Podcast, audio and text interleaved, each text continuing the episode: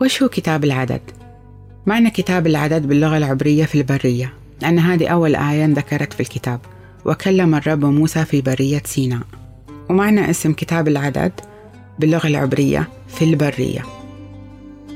وأصل تسمية هذا الكتاب يرجع إلى التعداد السكاني المذكور لبني إسرائيل وهذا الشيء صار بأمر من الله لموسى إلا صار بعد سنتين من يوم ما الله طلعهم من مصر ونجاهم من فرعون.